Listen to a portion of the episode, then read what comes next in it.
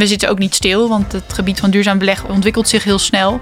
Dus we hebben ons er ook aan gecommitteerd dat het beleid dat we nu hebben, dat we altijd kritisch blijven kijken of we dat kunnen verbeteren, aanscherpen of uh, ambitieuzer kunnen maken.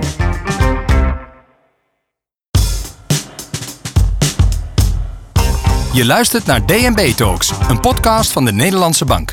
In deze podcast bespreken we actuele financieel-economische vraagstukken met verschillende specialisten van DNB. Welkom. Leuk dat je luistert naar deze aflevering van DNB Talks. Ik ben Chris Ariens en vandaag staat het onderwerp duurzaam beleggen op de agenda. Voor mij zitten Lisanne Kok en Rianne Luijendijk. Wie zijn jullie en wat doen jullie bij DNB? Eh, nou, mijn naam is Rianne Luijendijk, ondertussen 31 jaar. Ik werk nu denk ik vier jaar bij DNB, ehm, waar ik in de eerste instantie in het Market Intelligence team heb gewerkt. En sinds januari ben ik begonnen bij asset management. Dus dat is bij Lisanne in het team. En bij mhm. market intelligence um, ja, hield ik me vooral bezig met ontwikkeling op het gebied van duurzaam beleggen. Dus eigenlijk deed ik veel onderzoek naar trends in de markt. Nou, dan denk je misschien wat, wat voor trends bekijk je dan? Mhm. Onder andere naar bijvoorbeeld groene obligaties. Wat zijn dat voor financiële instrumenten? Wat voor partijen geven die uit? Uh, ja, waar wordt dat geld voor gebruikt? En wat moeten wij als DNB daarvan vinden? Moeten we daar iets mee in ons beleid of niet? Dus dat zijn uh, ja, onderwerpen waar ik me het afgelopen vier jaar mee bezig heb gehouden.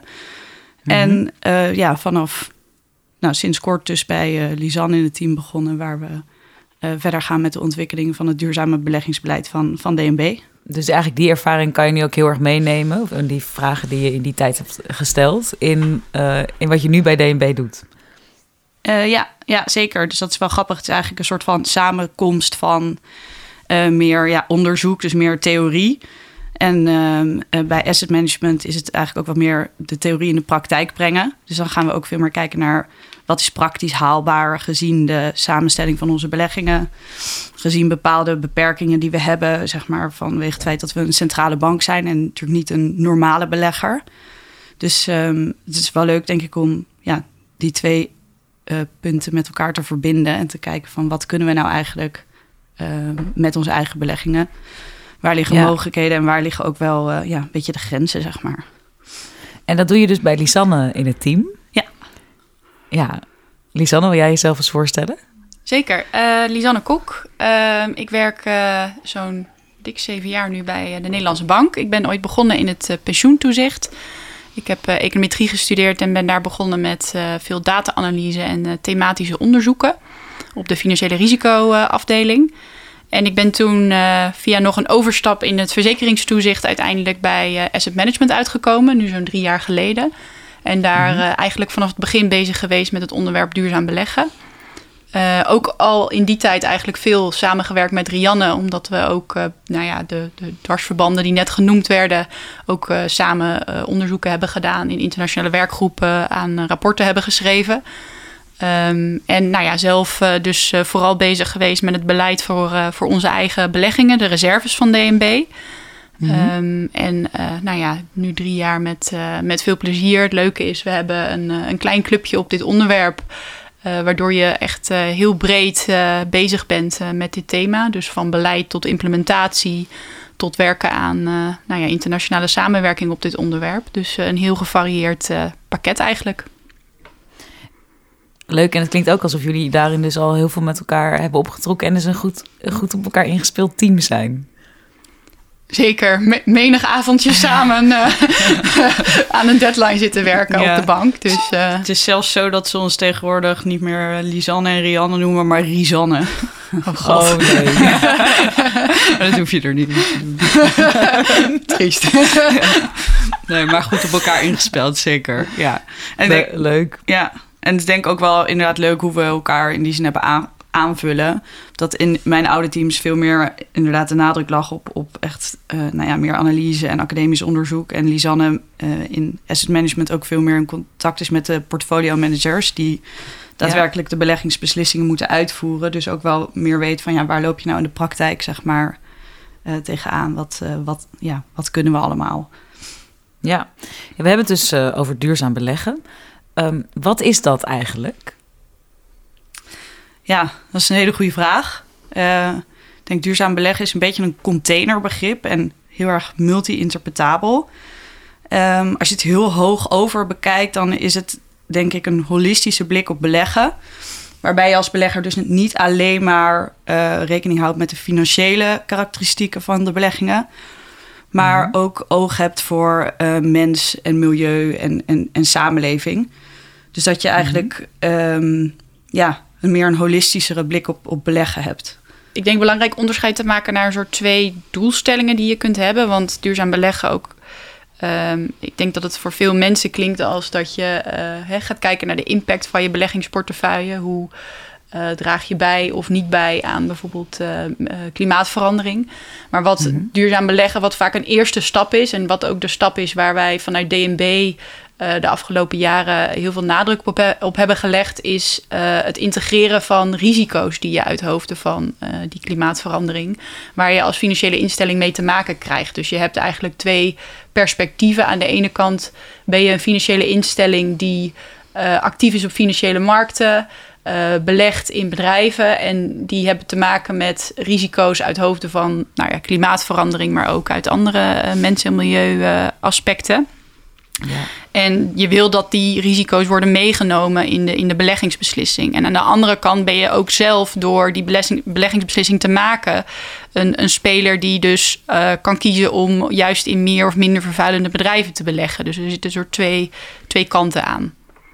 En is dat ook, want het laatste heb je het met name eigenlijk ook over het, het willen maken van een positieve impact. Ja. Is dat ook iets waar jullie uh, heel erg mee bezig zijn als DNB?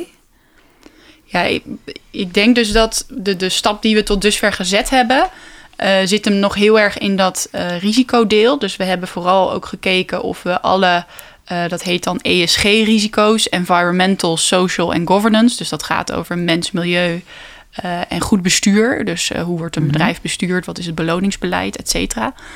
Uh, Dat die factoren goed worden meegenomen in beleggingsbeslissingen, zodat je inderdaad een beter geïnformeerd besluit kan maken.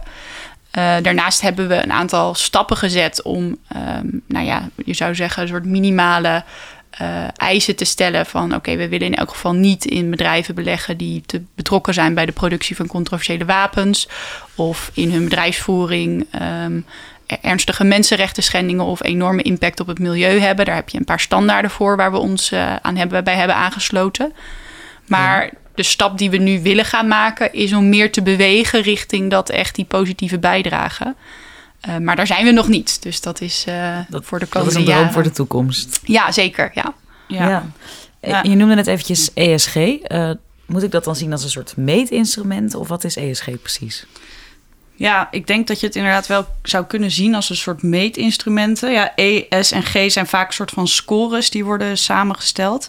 Dus in die zin kun je het misschien vergelijken met uh, duurzaamheidslabels in de supermarkt bijvoorbeeld. Dat als iets ja, zoals fair trade bijvoorbeeld. Precies, dus als iets een bepaalde hoge ESG-score heeft, dan ja, geeft dat eigenlijk aan dat een bedrijf of een belegging heel hoog scoort op zowel die E, S en G-factoren. Um, Onder bijvoorbeeld environmental worden wel verschillende um, ja, datapunten gebruikt, zeg maar, om goed environmental gedrag te meten. Dus dan kijken ze bijvoorbeeld naar CO2-uitstoot, uh, eh, de manier waarop je een bedrijf afval verwerkt, uh, waterverbruik, et cetera. Dus eigenlijk mhm. gaan er heel veel verschillende indicatoren um, worden meegenomen. Dan wordt er een soort oordeel geveld over wat dan goed um, ja, environmental gedrag is. En dan wordt daar zeg maar een, een, waardering aangegeven. Um, nou is het wel zo dat je in de markt heb je verschillende aanbieders van dat soort ESG-scores. En die hebben eigenlijk allemaal wel een eigen methodologie om het te meten. Dus het kan zijn dat de ene aanbieder bijvoorbeeld veel meer aandacht heeft voor environmental. En een andere aanbieder veel meer aandacht heeft voor social. Dus als belegger moet je wel even goed kijken waar dan die scores op gebaseerd zijn, zeg maar, om ja, een weloverwogen beslissing te kunnen maken. geven jullie daarin dan ook uh, voor andere partijen eigenlijk een soort, een soort, ja, een soort leidraad van hey, dit is wat onze bevindingen zijn. Want ik neem aan dat jullie daar helemaal in zitten. Om gewoon echt te begrijpen wat is welk ESG-label. Um, nou ja, ik denk, eh, als ik voor mezelf spreek, wij hebben wel onderzoek gedaan naar wat het is dat die verschillende data-aanbieders aanbieden. En uh, dan ja, inventariseren we wel van nou, hoe consistent zijn die methodologieën en kan je die scores met elkaar vergelijken of is het eigenlijk echt appels met peren vergelijken? En dan proberen we daar zeg maar een onafhankelijk oordeel over te vellen en dat ja, naar buiten te brengen of intern uh, in een soort rapport zeg maar te presenteren. Maar voor onze eigen beleggingen varen we wel op een aanbieder die we hebben geselecteerd, omdat wij vinden dat die het beste bij onze um, samenstelling van onze beleggingen past. Hoe kan je het beste de ESG-criteria zelf toepassen in je belegging? Hoe maken jullie die vertaalslag? Ja, wat we doen is um, een paar dingen. Dus we hebben um, uh, beleggingen die we voor een deel intern beheren. Dat is uh, uh, met name staatsobligaties en vergelijkbare stukken. En we besteden een deel van het vermogensbeheer uit. Dus dan moet je denken aan de aandelenportefeuille en de bedrijfsobligaties. En mm -hmm. bij dat deel dat we uitbesteden, kijken we dus goed in op het moment dat we een partij zoeken die dat voor ons kan doen hoe deze partij ESG meeneemt in de beleggingsbeslissing. Dus tijdens het selectieproces uh, beoordelen we het raamwerk wat die partij heeft liggen om dat mee te nemen. Maar uiteindelijk nemen wij dan niet de beleggingsbeslissing, maar ligt die bij de vermogensbeheerder. En mhm. ondertussen hebben we dat, nou ik denk sinds twee, drie jaar zijn we um, managers aan het selecteren die dus voldoen aan het beleid wat wij daarvoor hebben opgesteld. En uh, nou ja, goed, ondertussen zijn we ook aan het kijken welke lessen kunnen we daaruit trekken en kunnen we ook voor onze intern beheerde beleggingen meenemen. Dus daar hebben we het afgelopen jaar dan ook een raamwerk voor ontwikkeld. Uh, om mm -hmm. dat ook uh, daar te kunnen implementeren. Hoe, moet, hoe, is, hoe is de samenstelling van jullie beleggingen? Hoe moet ik dat zien? ja, we hebben een portefeuille, um, ik geloof nu nog officieel 19 miljard, maar ondertussen is dat wel, wel wat minder. Uh, en die beleggen we uh, voor een deel intern. Dus we hebben portefeuillemanagers bij DNB die een deel van die portefeuille beheren. En we beleggen die voor een deel extern. Dat betekent dat we het vermogensbeheer uitbesteden. Voor de intern beheerde portefeuille dan moet je denken aan staatsobligaties. Dus schuld uitgegeven door overheden of lagere overheden of supranationale instellingen. bijvoorbeeld de Wereldbank. En dan een deel wat wij extern beheren dat zijn uh, aandelen en uh, bedrijfsobligaties. Mm. En daarvan doen wij het beheer niet, niet zelf dus. Dus het deel, het is alleen de intern beheerde um, beleggingen, die doen jullie zelf? Ja, de intern beheer staat gewoon voor dat wij het uh, zelf beheren. Dus uh, daar hebben we een club van uh, team portefeuille managers. Waar mm -hmm. dat team zitten, Rian en ik maken daar onderdeel van uit. Uh, dus dat is denk ik ook het, uh, de kracht van uh, hoe we duurzaam beleggen bij, bij DNB aanpakken of aan kunnen pakken. Is dat we hebben een relatief klein clubje op duurzaam beleggen. We zijn met z'n tweeën, maar we maken wel onderdeel uit van het team wat ook een deel van onze beleggingen doet. en wat ook de managers selecteert die dan een deel van het extern beheerde vermogensbeheer voor hun rekening nemen. En dat betekent dat we heel veel samen kunnen werken met de portefeuillemanagers. En nou ja, daardoor ook niet alles alleen hoeven te doen. Ja, misschien in dat kader wel goed om op te merken dat voor zowel de intern als de extern beheerde beleggingen wij wel bepalen wat er met die beleggingen gebeurt en ook de verantwoordelijkheid daarvoor dragen. En je moet eigenlijk die. Kijk, intern, voor de interne beheerde beleggingen hebben we de juiste expertise in huis om dat zelf te doen. Maar voor de extern beheerde beleggingen uh, ja, vragen we een andere partij namens ons om de beleggingsbeslissingen te maken. Maar wij uh, geven ze wel een ja, richtlijnen mee op basis waarvan ze die beleggingen moeten doen. Dus ja, je kan het eigenlijk een beetje vergelijken met uh, dat je iemand opdracht geeft om uh, je huis te schilderen, bij wijze van.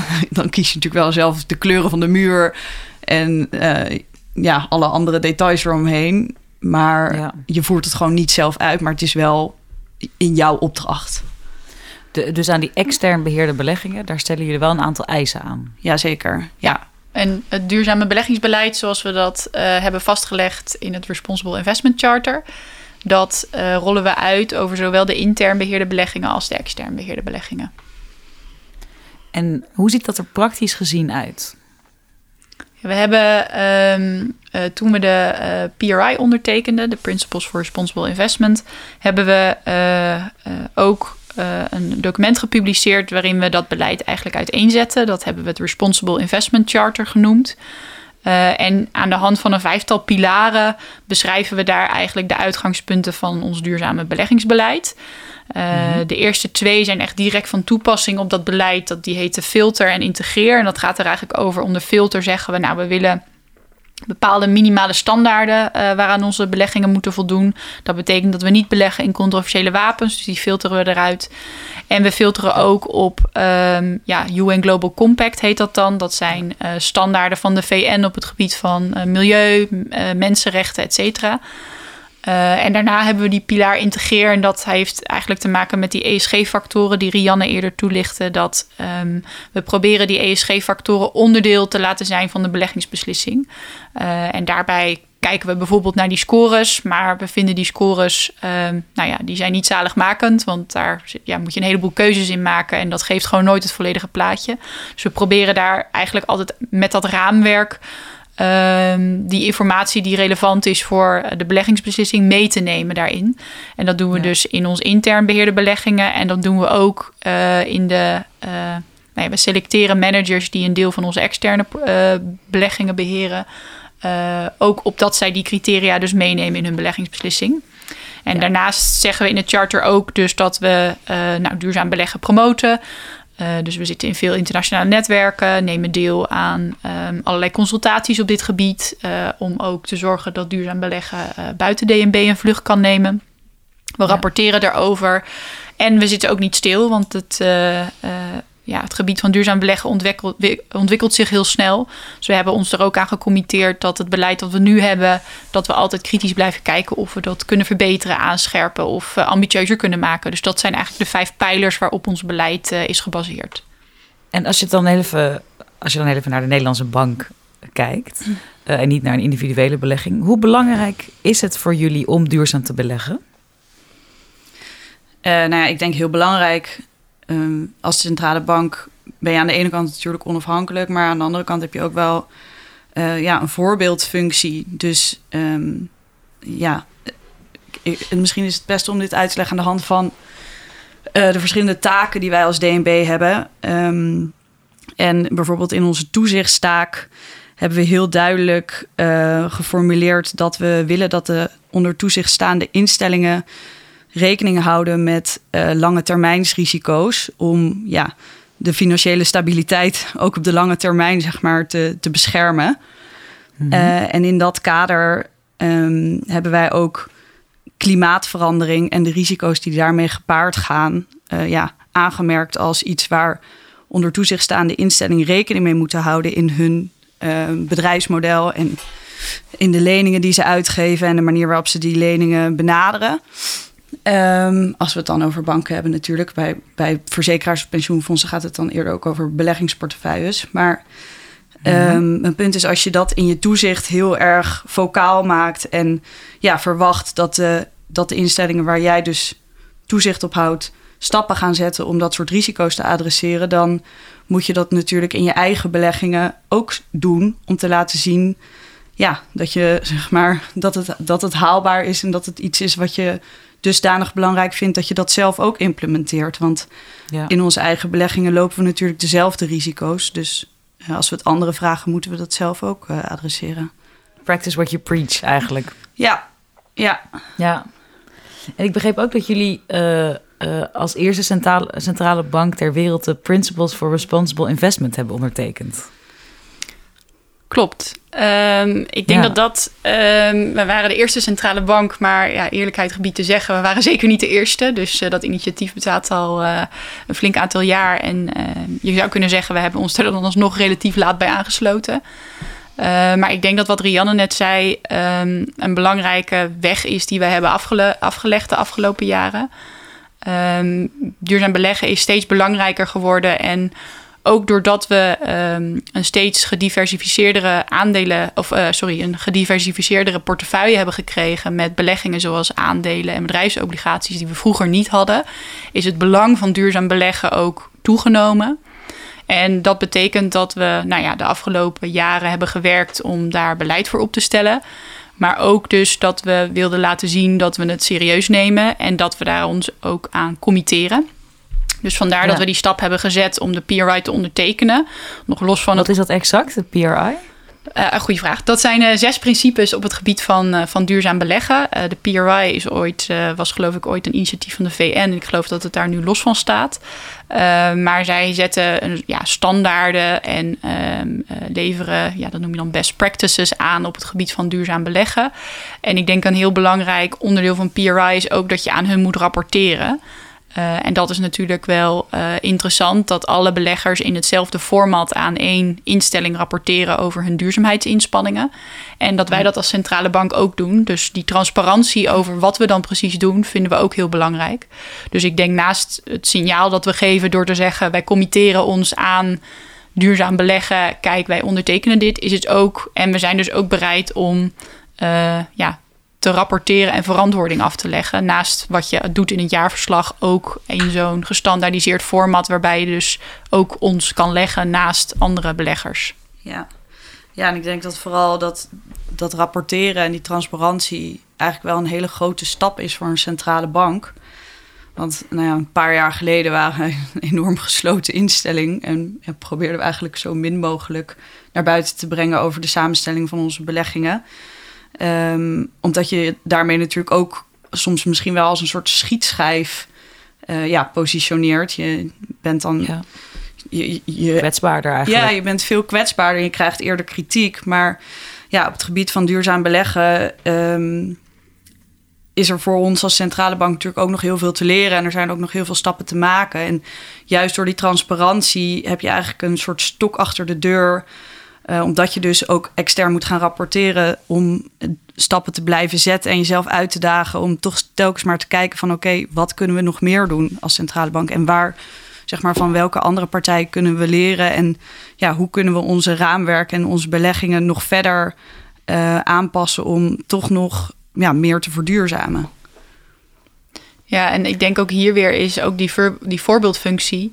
Um, als je kijkt uh, vanuit uh, het NGFS, het Network for Greening the Financial System, waar Frank Elderson voorzitter voor is, tot voor kort DNB-directielid, -hmm. wordt ook actief um, het, het publiceren van duurzaamheidsindicatoren aangemoedigd door financiële instellingen. Uh, dus ook daar weer geldt dat als wij zeggen en de bres opgaan dat iedereen transparant moet zijn, je ook zelf moet durven om transparant te zijn. En dat is denk ik inderdaad een klein beetje een cultuurverandering in centrale bankenland. Maar het leuke is dus mhm. dat bijvoorbeeld door die internationale werkgroepen waar wij in zitten, dat het wel een enorm vliegwiel-effect heeft. Want ja, op zichzelf um, zijn we natuurlijk niet een uh, gigantische centrale bank, ook niet qua omvang van onze beleggingsportefeuilles. Maar ja, we proberen zoveel mogelijk de kennis die we dan hebben, ook binnen de netwerken waar we dan vertegenwoordigd zijn met andere centrale banken, om dan weer uit te dragen wat wij hebben geleerd van wat we tot dusver doen. Dat doen anderen ook. En je merkt dat daar ontzettend veel animo voor is. Dus het is denk ik ook binnen die wereld um, ja, interessant om te zien. Bijvoorbeeld Banque de France is ook een, een partij die enorm voorloopt op dit, uh, op dit onderwerp. Dat iedereen elkaar uh, uitdaagt en uh, nou ja, nieuwe standaarden probeert te zetten waar de anderen zich weer aan op kunnen trekken. Dus dat, ja, dat is denk ik een belangrijk uh, doel wat we hiermee ook hebben. En, en lijkt me ook dat, dat dat het werk voor jullie ook nog veel spannender en leuker maakt. Ja, Jazeker, ja, ja, ja. Dat is een van de leukste elementen van het werk, denk ik. Juist om te zien dat er zo'n enorm ja, momentum is op het gebied van duurzaam beleggen. Zeker onder centrale banken. Ik bedoel, vijf jaar geleden was het ondenkbaar dat je als centrale bank uh, zoveel informatie deelde over je beleggingen. En nu ja, wordt het eigenlijk overal binnen het eurosysteem in ieder geval heel breed gedragen. Het idee om meer te gaan rapporteren en om ja, in ieder geval na te denken over wat wel kan in plaats van over wat niet kan. Ja, en het is... Maar heeft waarschijnlijk ook wel te maken met een groeiend besef van hoe uh, essentieel duurzaamheid is voor. Uh, uh, nou ja, om ook echt duurzaam te zijn. Ja, ja, zeker. En je hebt natuurlijk ook in de politiek nu veel meer aandacht voor klimaatverandering. Met het Parijsakkoord en nou ja, nu in Nederland onder andere de Klimaatwet. Dus naarmate er meer, wereldwijd meer politieke aandacht is voor klimaatverandering nemen ook de, nou ja, dus dat noemen we dan de transitierisico's. Dus de kans op uh, ja, aanpassing van beleid om um, de transitie, energietransitie te gaan versnellen. En dat kan zich dan weer vertalen in financiële risico's. Dus naarmate mm die aandacht voor uh, klimaatverandering toeneemt, nemen eigenlijk ook de risico's toe. En dus eigenlijk ook voor alle beleggers, waaronder ook de centrale banken, de noodzaak om daar iets mee te doen. En het besef, inderdaad. En ik denk die, die wetgeving die Rianne net noemt, die is voor ons wel heel cruciaal. Want een belangrijk. Uh, hoe zeg je dat? Ja, een belangrijk uh, kenmerk van de centrale bank is natuurlijk, ja, wij zijn een, een overheid, een zelfstandig bestuursorgaan, maar we zijn onafhankelijk van de overheid. Maar je wil dus ook zorgen dat je met je duurzame beleggingsbeleid niet op de een of andere manier in politiek vaarwater belandt.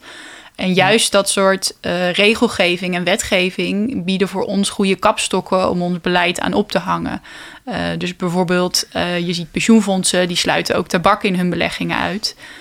wij vinden dat soort onderwerpen typisch gezien wat lastiger, omdat ja, dat mag gewoon verkocht worden in Nederland. Dat is niet illegaal. Dus willen wij ons daar dan tegen uitspreken? Nou, eigenlijk sluiten we liever aan bij bestaande wetgeving en zeggen we: oké, als dit een kader is waar hè, eh, Europa in dit geval uh, met, de klimaat, uh, met het klimaatakkoord, of nee, sorry, internationaal zelfs met het klimaatakkoord van Parijs, maar dat is allemaal weer vertaald in Green Deals en een groene taxonomie, waarin gezegd wordt wat is duurzaam, wat is niet duurzaam. Kijk, dat zijn raamwerken waar wij ons makkelijker bij aan kunnen sluiten, omdat het gewoon een objectieve uh, een objectief uitgangspunt voor ons biedt. Uh, wij hebben geen pensioendeelnemers die zeggen we willen niet dat je in tabak belegt. Dus wij hebben uh, in die zin wat minder directe input ja, vanuit, onze, um, vanuit onze stakeholders. Dus wij proberen dat op die manier in te kleden ik kan me wel voorstellen dat, het som, dat je soms misschien ook een soort persoonlijke voorkeur hebt voor bepaalde portefeuilles. Waardoor, ik weet niet of in hoeverre daar ruimte voor is hoor, maar dat je gewoon, ik weet niet, stel dat een van jullie bijvoorbeeld heel erg in klimaat zit.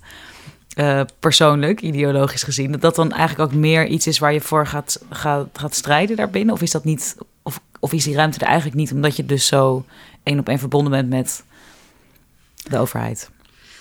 Ja, nou, voor mezelf sprekend, uh, dat, dat, is, dat is wel heel herkenbaar. Maar voor mij is dat juist een belangrijke drijfveer om mijn werk te doen. Dus ik, ja, ik, Dit, dit, onderwerp gaat me enorm aan het hart persoonlijk. Maar juist doordat ik het binnen mijn werk kan proberen om te zetten naar beleid en naar, um, nou ja, in dit geval uh, beleid voor het reservebeheer van de bank, maar ook kunnen kijken of we dat internationaal kunnen uitdragen. Is, vind ik, het leuke aan mijn werk de uitdaging om te kijken: oké, hoe kunnen we dat dan doen? Dus zonder dat ik een. Uh, een activist binnen de bank ben. Gewoon uh, hè, kijken wat zijn nou de bestaande kaders. En nou ja, gelukkig ben ik niet een, uh, een, een, roepende in de woestijn. Maar wordt er gewoon binnen de bank uh, best wel wat, nou niet druk, maar um, aandacht aan dit onderwerp besteed. Dus is ook de vraag iedere keer, wat doen jullie hier? Dus um, nou ja, terugkijkend op de afgelopen drie jaar dat ik nu bij deze afdeling zit, is... Um, waar ik in misschien, misschien in het begin nog meer degene was die uh, in elk geval dit onderwerp probeerde aan mensen uit te leggen, aan collega's. Hè, dit is een belangrijk onderwerp. Uh, en nou ja, er waren misschien ook nog wel collega's die zeiden: Goh, nou, klimaatverandering, hoe heeft dat nou hiermee te maken? Is dat drie jaar later echt wel duidelijk? Dus het is heel grappig om te zien hoe. Um, hoe snel dat zich ont heeft ontwikkeld de afgelopen jaren en hoezeer men het belang er ook voor inziet. Dus juist het feit dat ik binnen mijn werk ook mijn eigen normen en waarden op de een of andere manier kan vertalen, maakt het, uh, vind ik, een leuke baan. ja, wat, kan DNB eigenlijk zelf bepalen wat een uh, maatschappelijk verantwoorde investering is en wat niet? Uh, nou ja, ik denk tot op zekere hoogte kunnen we zeker bepalen wat wij maatschappelijk verantwoord vinden, zolang we dat maar um, goed beargumenteren op basis van wel objectieve criteria. Dus ik denk, wat Lisanne net ook al zei, van het is natuurlijk als centrale bank ben je een onafhankelijke partij. Um, en voor ons is de onafhankelijkheid heel belangrijk. En dat is zo omdat je als centrale bank natuurlijk niet alleen maar uh, reserves beheert of toezicht houdt, maar je bent ook een monetaire uh, instelling. En dat betekent dat je geld kunt scheppen. Uh, en dat kunnen wij, natuurlijk de centrale banken kunnen dat als enige in het eurosysteem, hebben wij die geldscheppende functie. En je wil natuurlijk niet ervan worden beticht dat je uh, dat geld schept om een politieke agenda te gaan financieren. Dus hm. stel dat, uh, Job, dat onze regering heel erg vocaal was over tabak. En wij, ehm, nou ja, wij, wij, wij kiezen ervoor om, om tabak niet, meer te, niet meer in tabak te beleggen ja, dan kan je je afvragen: ben je dan niet um, te politiek gekleurd, zeg maar. Dus Ja. eh, in die zin is het voor ons dus heel belangrijk om ons aan te kunnen sluiten bij internationale raamwerken. Omdat die dan vaak op soort van internationale consensus zijn gebaseerd over wat ja, duurzaam is. En eh, in die zin helpt het ons dus ook, wat Lisanne net al zei, van eh, op, eh, door de Europese politiek wordt heel veel gedaan op dit gebied. Zij zijn, hebben onder andere dus een taxonomie ontwikkeld. En in die taxonomie wordt eigenlijk ja, op heel detailniveau ehm, gespecificeerd wat ze wel en niet duurzaam vinden. En dat soort raamwerken helpen ons om ehm, de samenstelling van onze belegging aan te passen. Eh, omdat we ja, dat kunnen verantwoorden, dat we dat als duurzaam zien. Maar ja, als er andere eh, wat meer subjectieve eh, beleggingscategorieën opkomen, dan, dan is het wel wat lastiger om dat als duurzaam te klassificeren.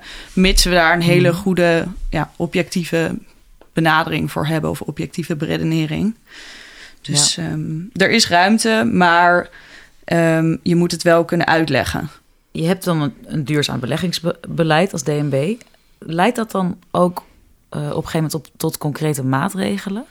Wat we tot dusver gedaan hebben, ehm, eh, is dus eh, eerste stappen gezet op het gebied van duurzaam beleggen. Dus wat ik eerder aangaf, de, de uitsluiting van controversiële wapens, een aantal minimale eisen ten aanzien van hoe een bedrijf ehm, werkt in de praktijk. Dus ten aanzien van milieu-impact en uh, mensenrechten schendingen, de integratie van die risico's. En wat we hebben gedaan sinds we dat beleid een jaar of drie geleden uh, uh, hebben aangenomen, is dat we hebben gekeken: oké, okay, welke van onze portefeuilles voldoen nu aan die criteria, welke niet. En nou ja, met die partijen die daar dus niet aan voldoen, zijn we uh, nou ja, gaan kijken of we dat kunnen vervangen door partijen die daar wel aan voldoen. Dus dan moet je denken aan die externe ja. managers die dan portefeuilles namens ons beheren op een manier die dus in lijn is met ons beleid. Daar hebben we de afgelopen drie jaar heel veel werk in, in gestopt. Uh, dat is nog niet volledig uh, geïmplementeerd, maar er zijn wel zeker uh, wijzigingen doorgevoerd. En wat je nu eigenlijk merkt is dat, nou ja, wat ik eerder ook aangaf, het is een onderwerp wat enorm eh, leeft, wat, heel, wat ook heel snel in ontwikkeling is. Um, en dat betekent dat we nu eigenlijk ook steeds meer aandacht hebben voor dat klimaatakkoord van Parijs en wat dat voor mogelijke implicaties heeft voor onze beleggingen of kan hebben. Ja. Wij zijn daarom nu weer bezig met ons beleid aan te passen en aan te scherpen. En we mm-hmm. willen dan straks uh, in de loop van volgend jaar ook weer een deel van de partijen die nu de, uh, het vermogensbeheer voor ons doen, vervangen voor nog weer groenere um, uh, beleggingsportefeuilles. Dus zo ja. zie je eigenlijk dat ja, er is een soort cyclus van beleid naar implementatie. Maar dat, ja, dat beleid dat staat niet stil. Dus op het moment dat je bezig bent met implementeren, komen er ook weer nieuwe eisen voorbij of weer nieuwe uh, wensen.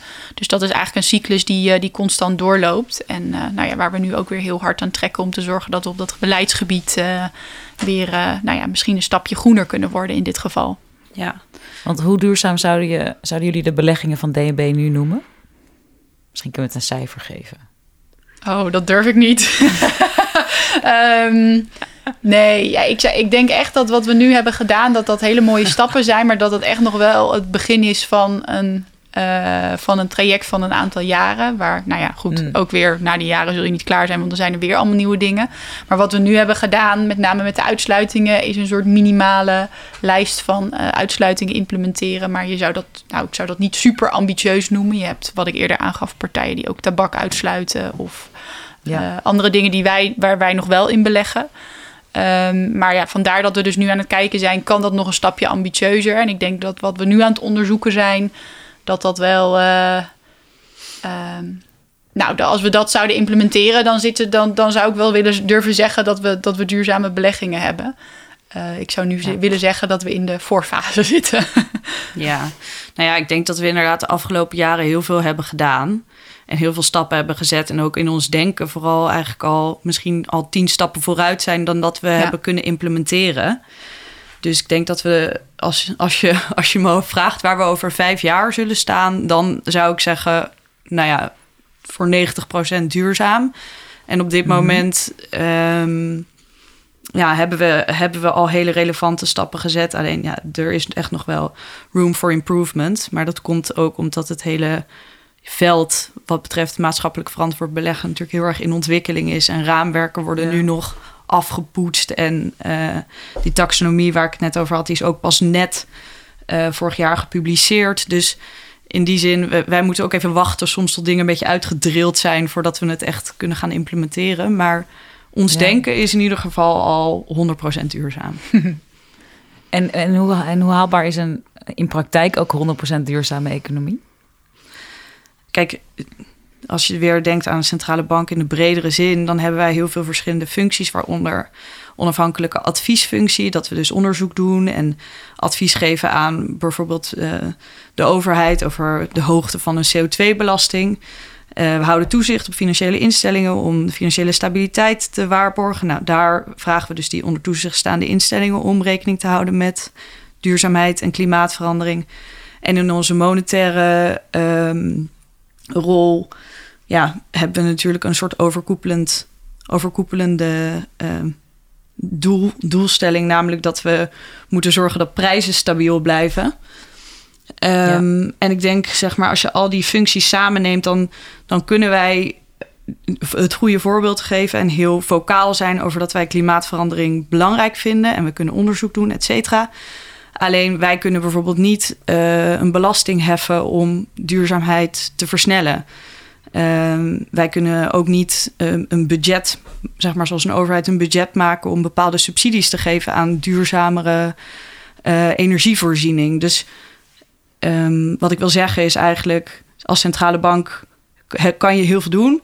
Alleen we hebben ook een overheid nodig die ja, consistent eh, klimaatbeleid voert met een lange termijn focus. En dus ook heel duidelijk dan zegt van nou ja, wij willen die energietransitie bijvoorbeeld eh, in de stroomversnelling eh, brengen. En daarvoor zijn toch ja, misschien soms andere keuzes nodig qua wat voor belasting je heft of wat voor subsidies je, je geeft. Ja. Ehm, en daarnaast, zeg maar, naast centrale banken en, en overheden is het natuurlijk ook soms aan de consument en aan de bedrijven om ja, verder in te zetten op vergroening. Het is, eh, het is niet een one-man show. Ik denk dat ieder dan zijn steentje moet bijdragen als je naar een puur duurzame economie wil toewerken. Ja, maar daarin is misschien ook de stap juist ook om als DNB dan veel meer inzetten op transparantie. Is dat in ieder geval iets waarmee je anderen kunt inspireren. eh, op alle niveaus. Weet je wel? Dus inderdaad of het nou ehm, eh, op individueel niveau is of eh, bij bedrijven. Of dus inderdaad, nou ja, zoals jullie onderling bij de centrale banken elkaar beïnvloeden. Ja, zeker. En ik, ik denk dat het ook goed is om te zeggen dat we niet alleen eh, proberen te inspireren, om het zo te zeggen, maar ook echt wel naar de sector kijken. Dus als je kijkt naar de Nederlandse pensioensector, daar worden natuurlijk ook hele interessante stappen gezet.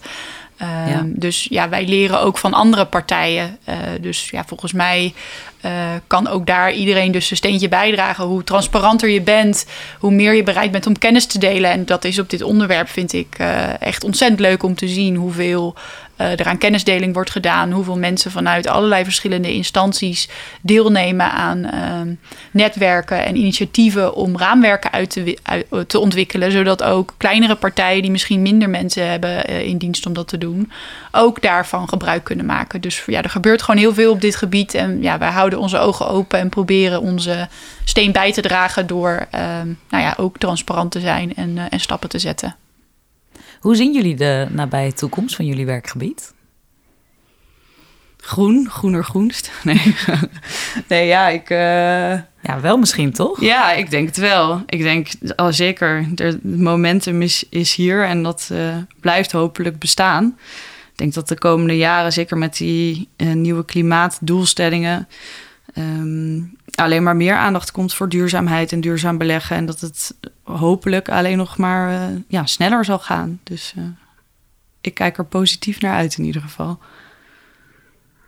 Ja, ik ook. Ik, ben, ik vind eh, het, het ontzettend leuk om te werken in een, in een veld waar zoveel momentum is, zoals Rianne noemt. Dus ja, eigenlijk, je gaat nooit snel genoeg, is het soms. En dat maakt het ontzettend leuk, omdat er heel veel dynamiek is. En nou, ik verwacht eigenlijk niet dat dat gaat afnemen de komende jaren. Eerder inderdaad alleen maar toenemen. Ja.